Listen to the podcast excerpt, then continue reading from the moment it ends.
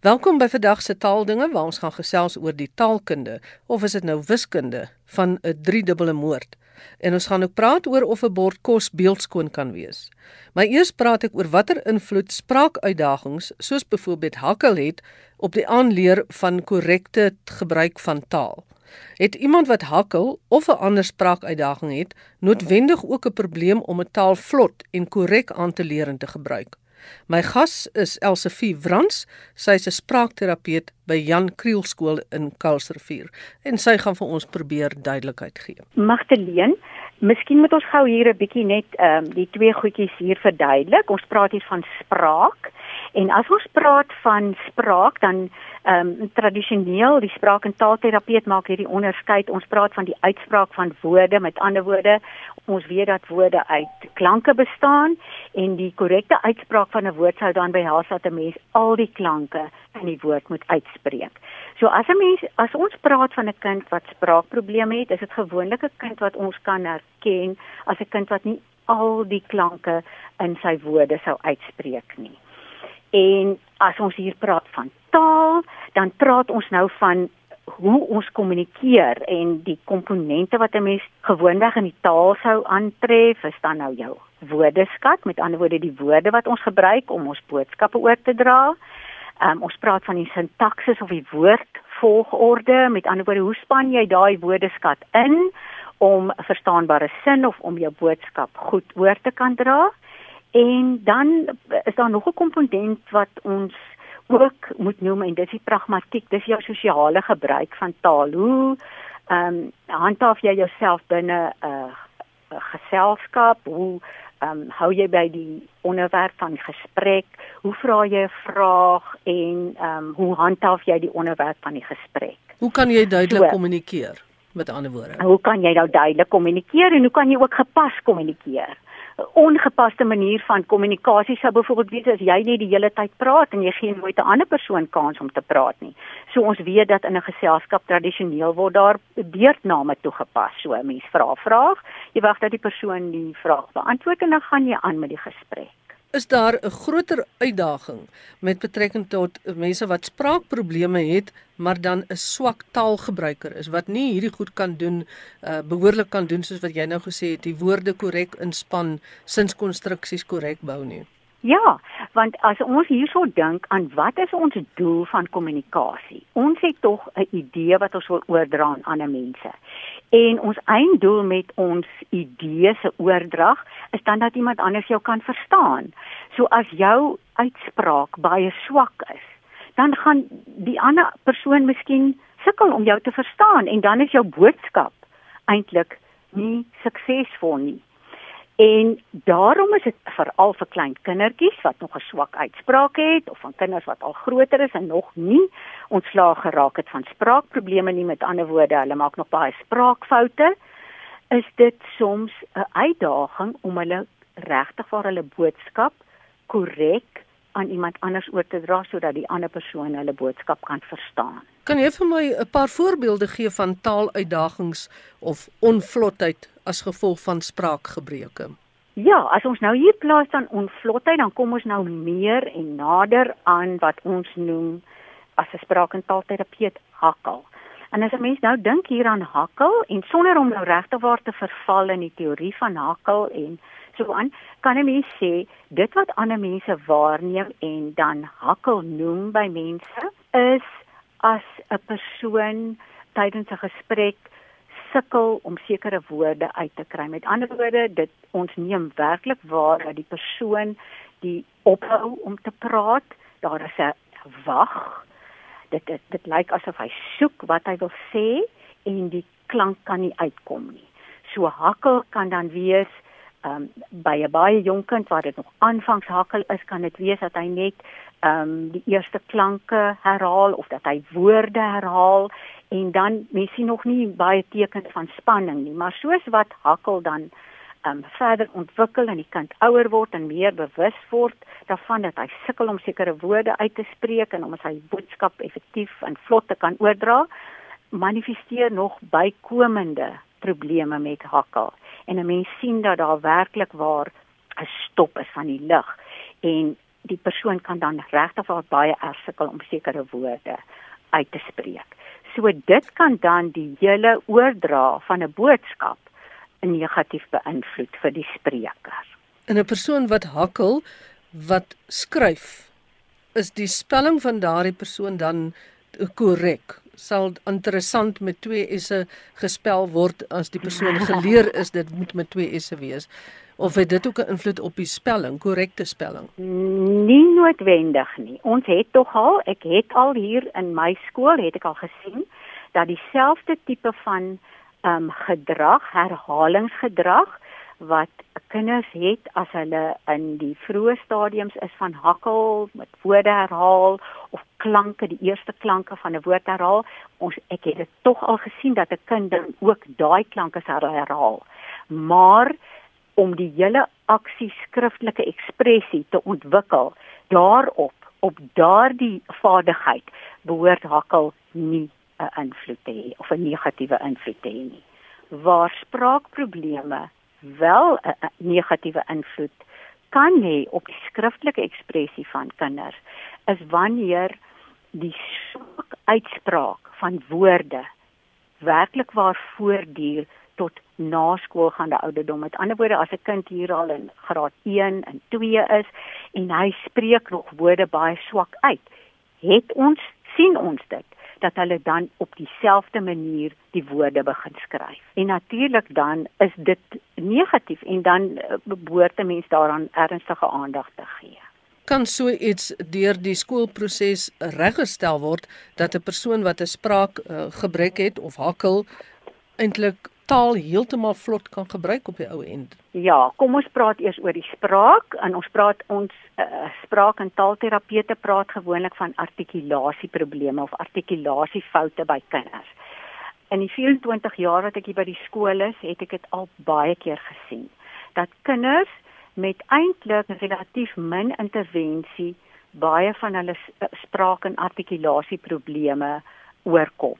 As 'n mens praat van hakkel, en ons moet hierso ook sê dat daar kan in baie kinders se lewens 'n normale fase van onvlotheid wees. En baie keer raak ouers sien hulle dit raak hierdie onvlotheid en hulle soek hulp in daai tyd.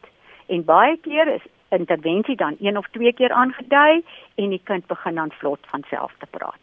Maar as dit 'n kind is wat werklik waar verder in sy hakkelgedrag of erger hakkelgedrag gaan ontwikkel, dan is langdurige intervensie vir die hakkelgedrag nodig.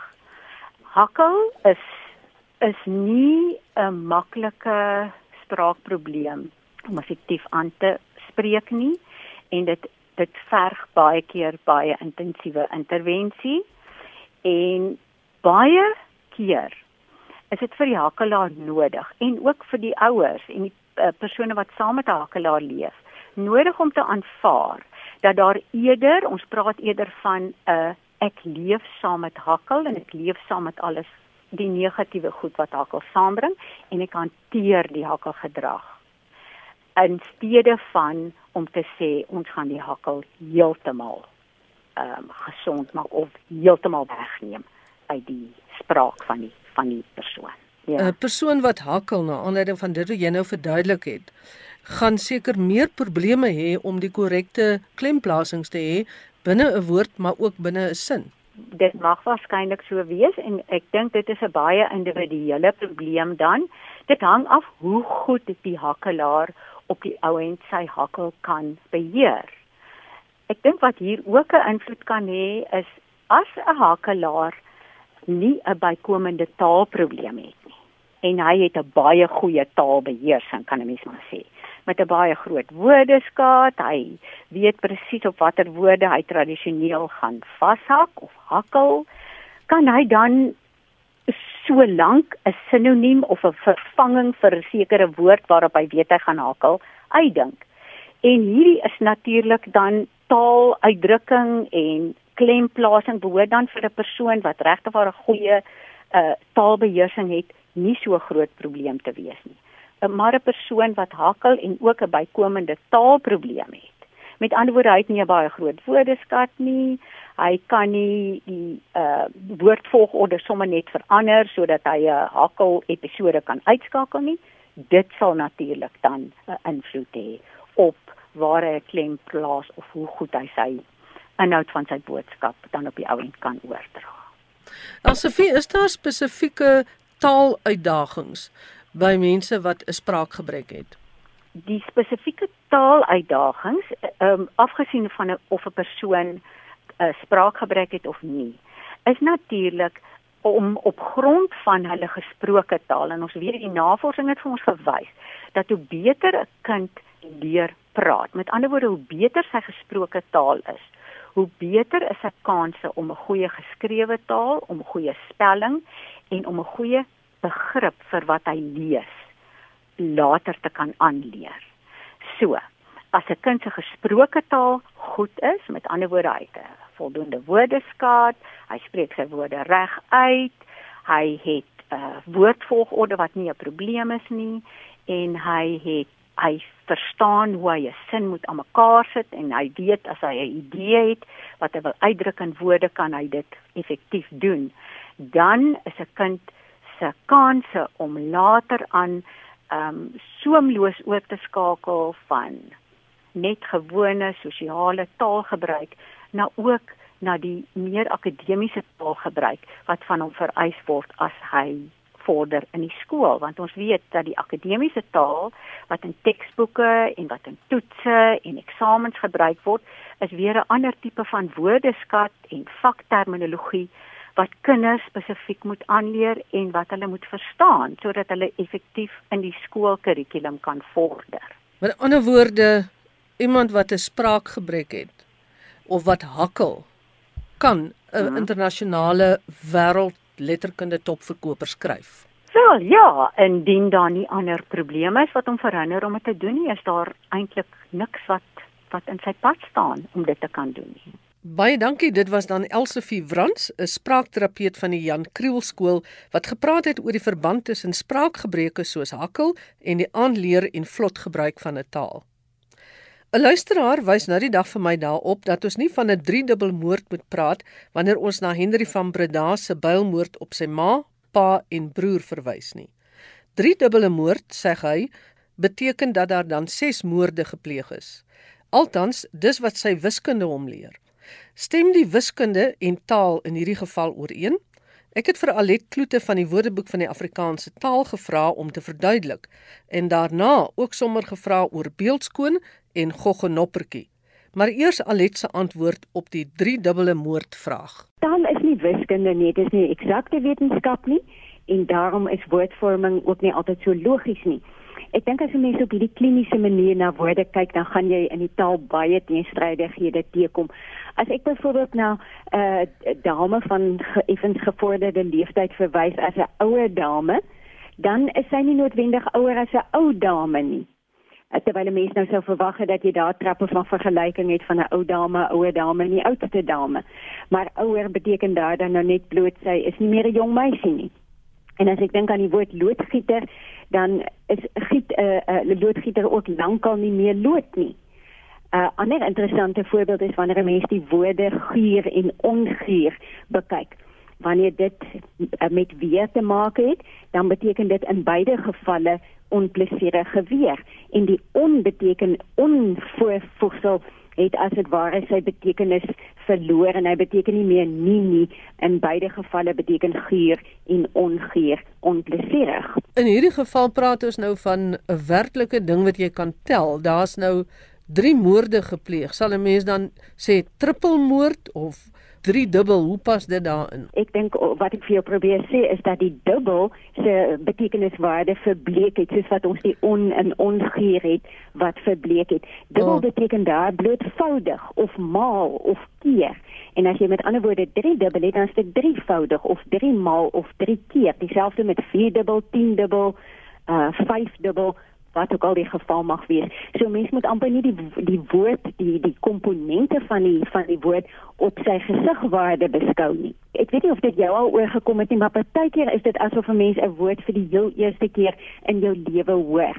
en asof jy bewus raak van van sy dele wat nie van tevore die geval was nie.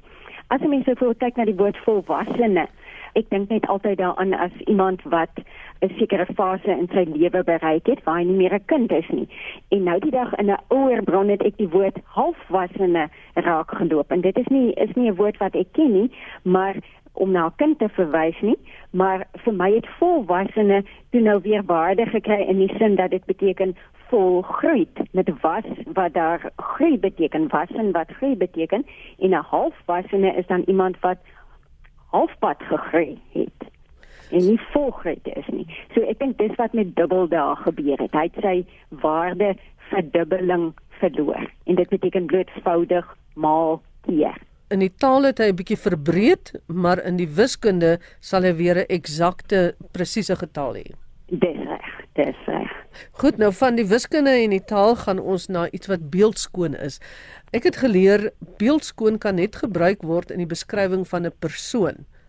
Maar deesdae hoor ek mense sê dis 'n beeldskone boek, dis 'n beeldskone bord kos, dis 'n beeldskone dag buite.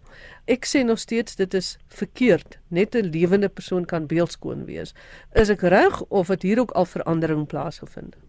Goed, ek het nou so afgemengde gevoelens oor hierdie voorbeeld, want ek het ook soos jy geleer dat beeldskoon net in opsigte van 'n vrou gebruik kan word. Maar as 'n mens nou in gedagte hou dat taal nie staties is nie, dat dit verandering ondergaan en dat daar betekenisuitbreiding of verruiming kan voorkom, dan moet 'n mens seker nou ook maar aanvaar dat beeldskoon gebruik sou kon word om na diere of voorwerpe of landskappe in dies meer te verwys. Hoekom sê ek so? Omdat beeldskoon, die skoon natuurlik uit die Nederlands uh, skoon wat mooi beteken en beeldskoon is dan nou beeldmooi oorspronklik beteken net so mooi soos 'n kunswerk, so mooi soos 'n beeld. En alhoewel daar in al die woordeboeke gesê word veral ten opsigte van vroue of meestal ten opsigte van vroue, dink ek 'n mens moet aanvaar dat jy iets wat baie mooi is, so mooi dat dit soos 'n kunswerk is of soos 'n beeld is, ook ten opsigte van diere of voorwerpe of landskappe en dis meer sou kon gebruik.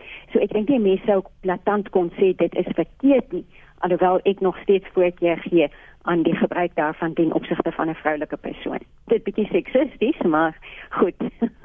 'n Laaste ene navraag wat ek gekry het, iemand het gelees in 'n boek van 'n goggenoppertjie, dis een van die voorleesboeke wat ons het en gevra wat is die betekenis? Toe sê ek nee, ek weet nie wat dit is nie. Ek het nog nooit van die woord gehoor nie. Dit klink vir my asof dit dalk 'n soort veldblommetjie kan wees of 'n diertjie in die veld kan wees. Ken jy die woord goggenoppertjie? Ek ken die woord glad nie en ek moet jy sê ons het 'n baie omvattende materiaalversameling wat ek geraadpleeg het en ons het ook toegang tot die internet wat dit vir my moontlik gemaak het om redelik wyd te soek maar ek het ook nie daai boek by by Google boeke teëgekom waarin uh, die die persoon dit raak gelees het nie. Ek dink 'n mens sal nou nog 'n bietjie meer navorsing moet doen en miskien vir die luisteraars moet vra of daar meer mense is wat die woord ken en wat dit gebruik. Miskien uit hulle kinders, dit klink vir my na 'n geselsstaalvorm of iets wat miskien tot 'n bepaalde streek van die van die land beperk is, maar ek ken dit glad nie en ek het dit nog nooit teëgekom nie, ook nie in ons wye materiaalversameling nie. Goed, kom ons vra dan vir luisteraars as hulle dit ken, dan moet hulle vir ons laat weet of hulle al die woord goggenoppertjie gehoor het en merk dit sommer in die moderne tyd hitsmerk goggenoppertjie. Ja, en dit gaf dan kan ons hom ook aanteken in in uh, met dit dat ons nou ook die elektroniese weergawe van die woordeboek kan opdateer, sou dit dan nou moontlik wees om die boek uh, die woord ook in die woordeboek te plaas. Dit was Alet Kloete van die WAT. En so kom ons aan die einde van vandag se taaldinge. Geniet die res van jou dag in die geselskap van RSG. Groete Magdalene Creer.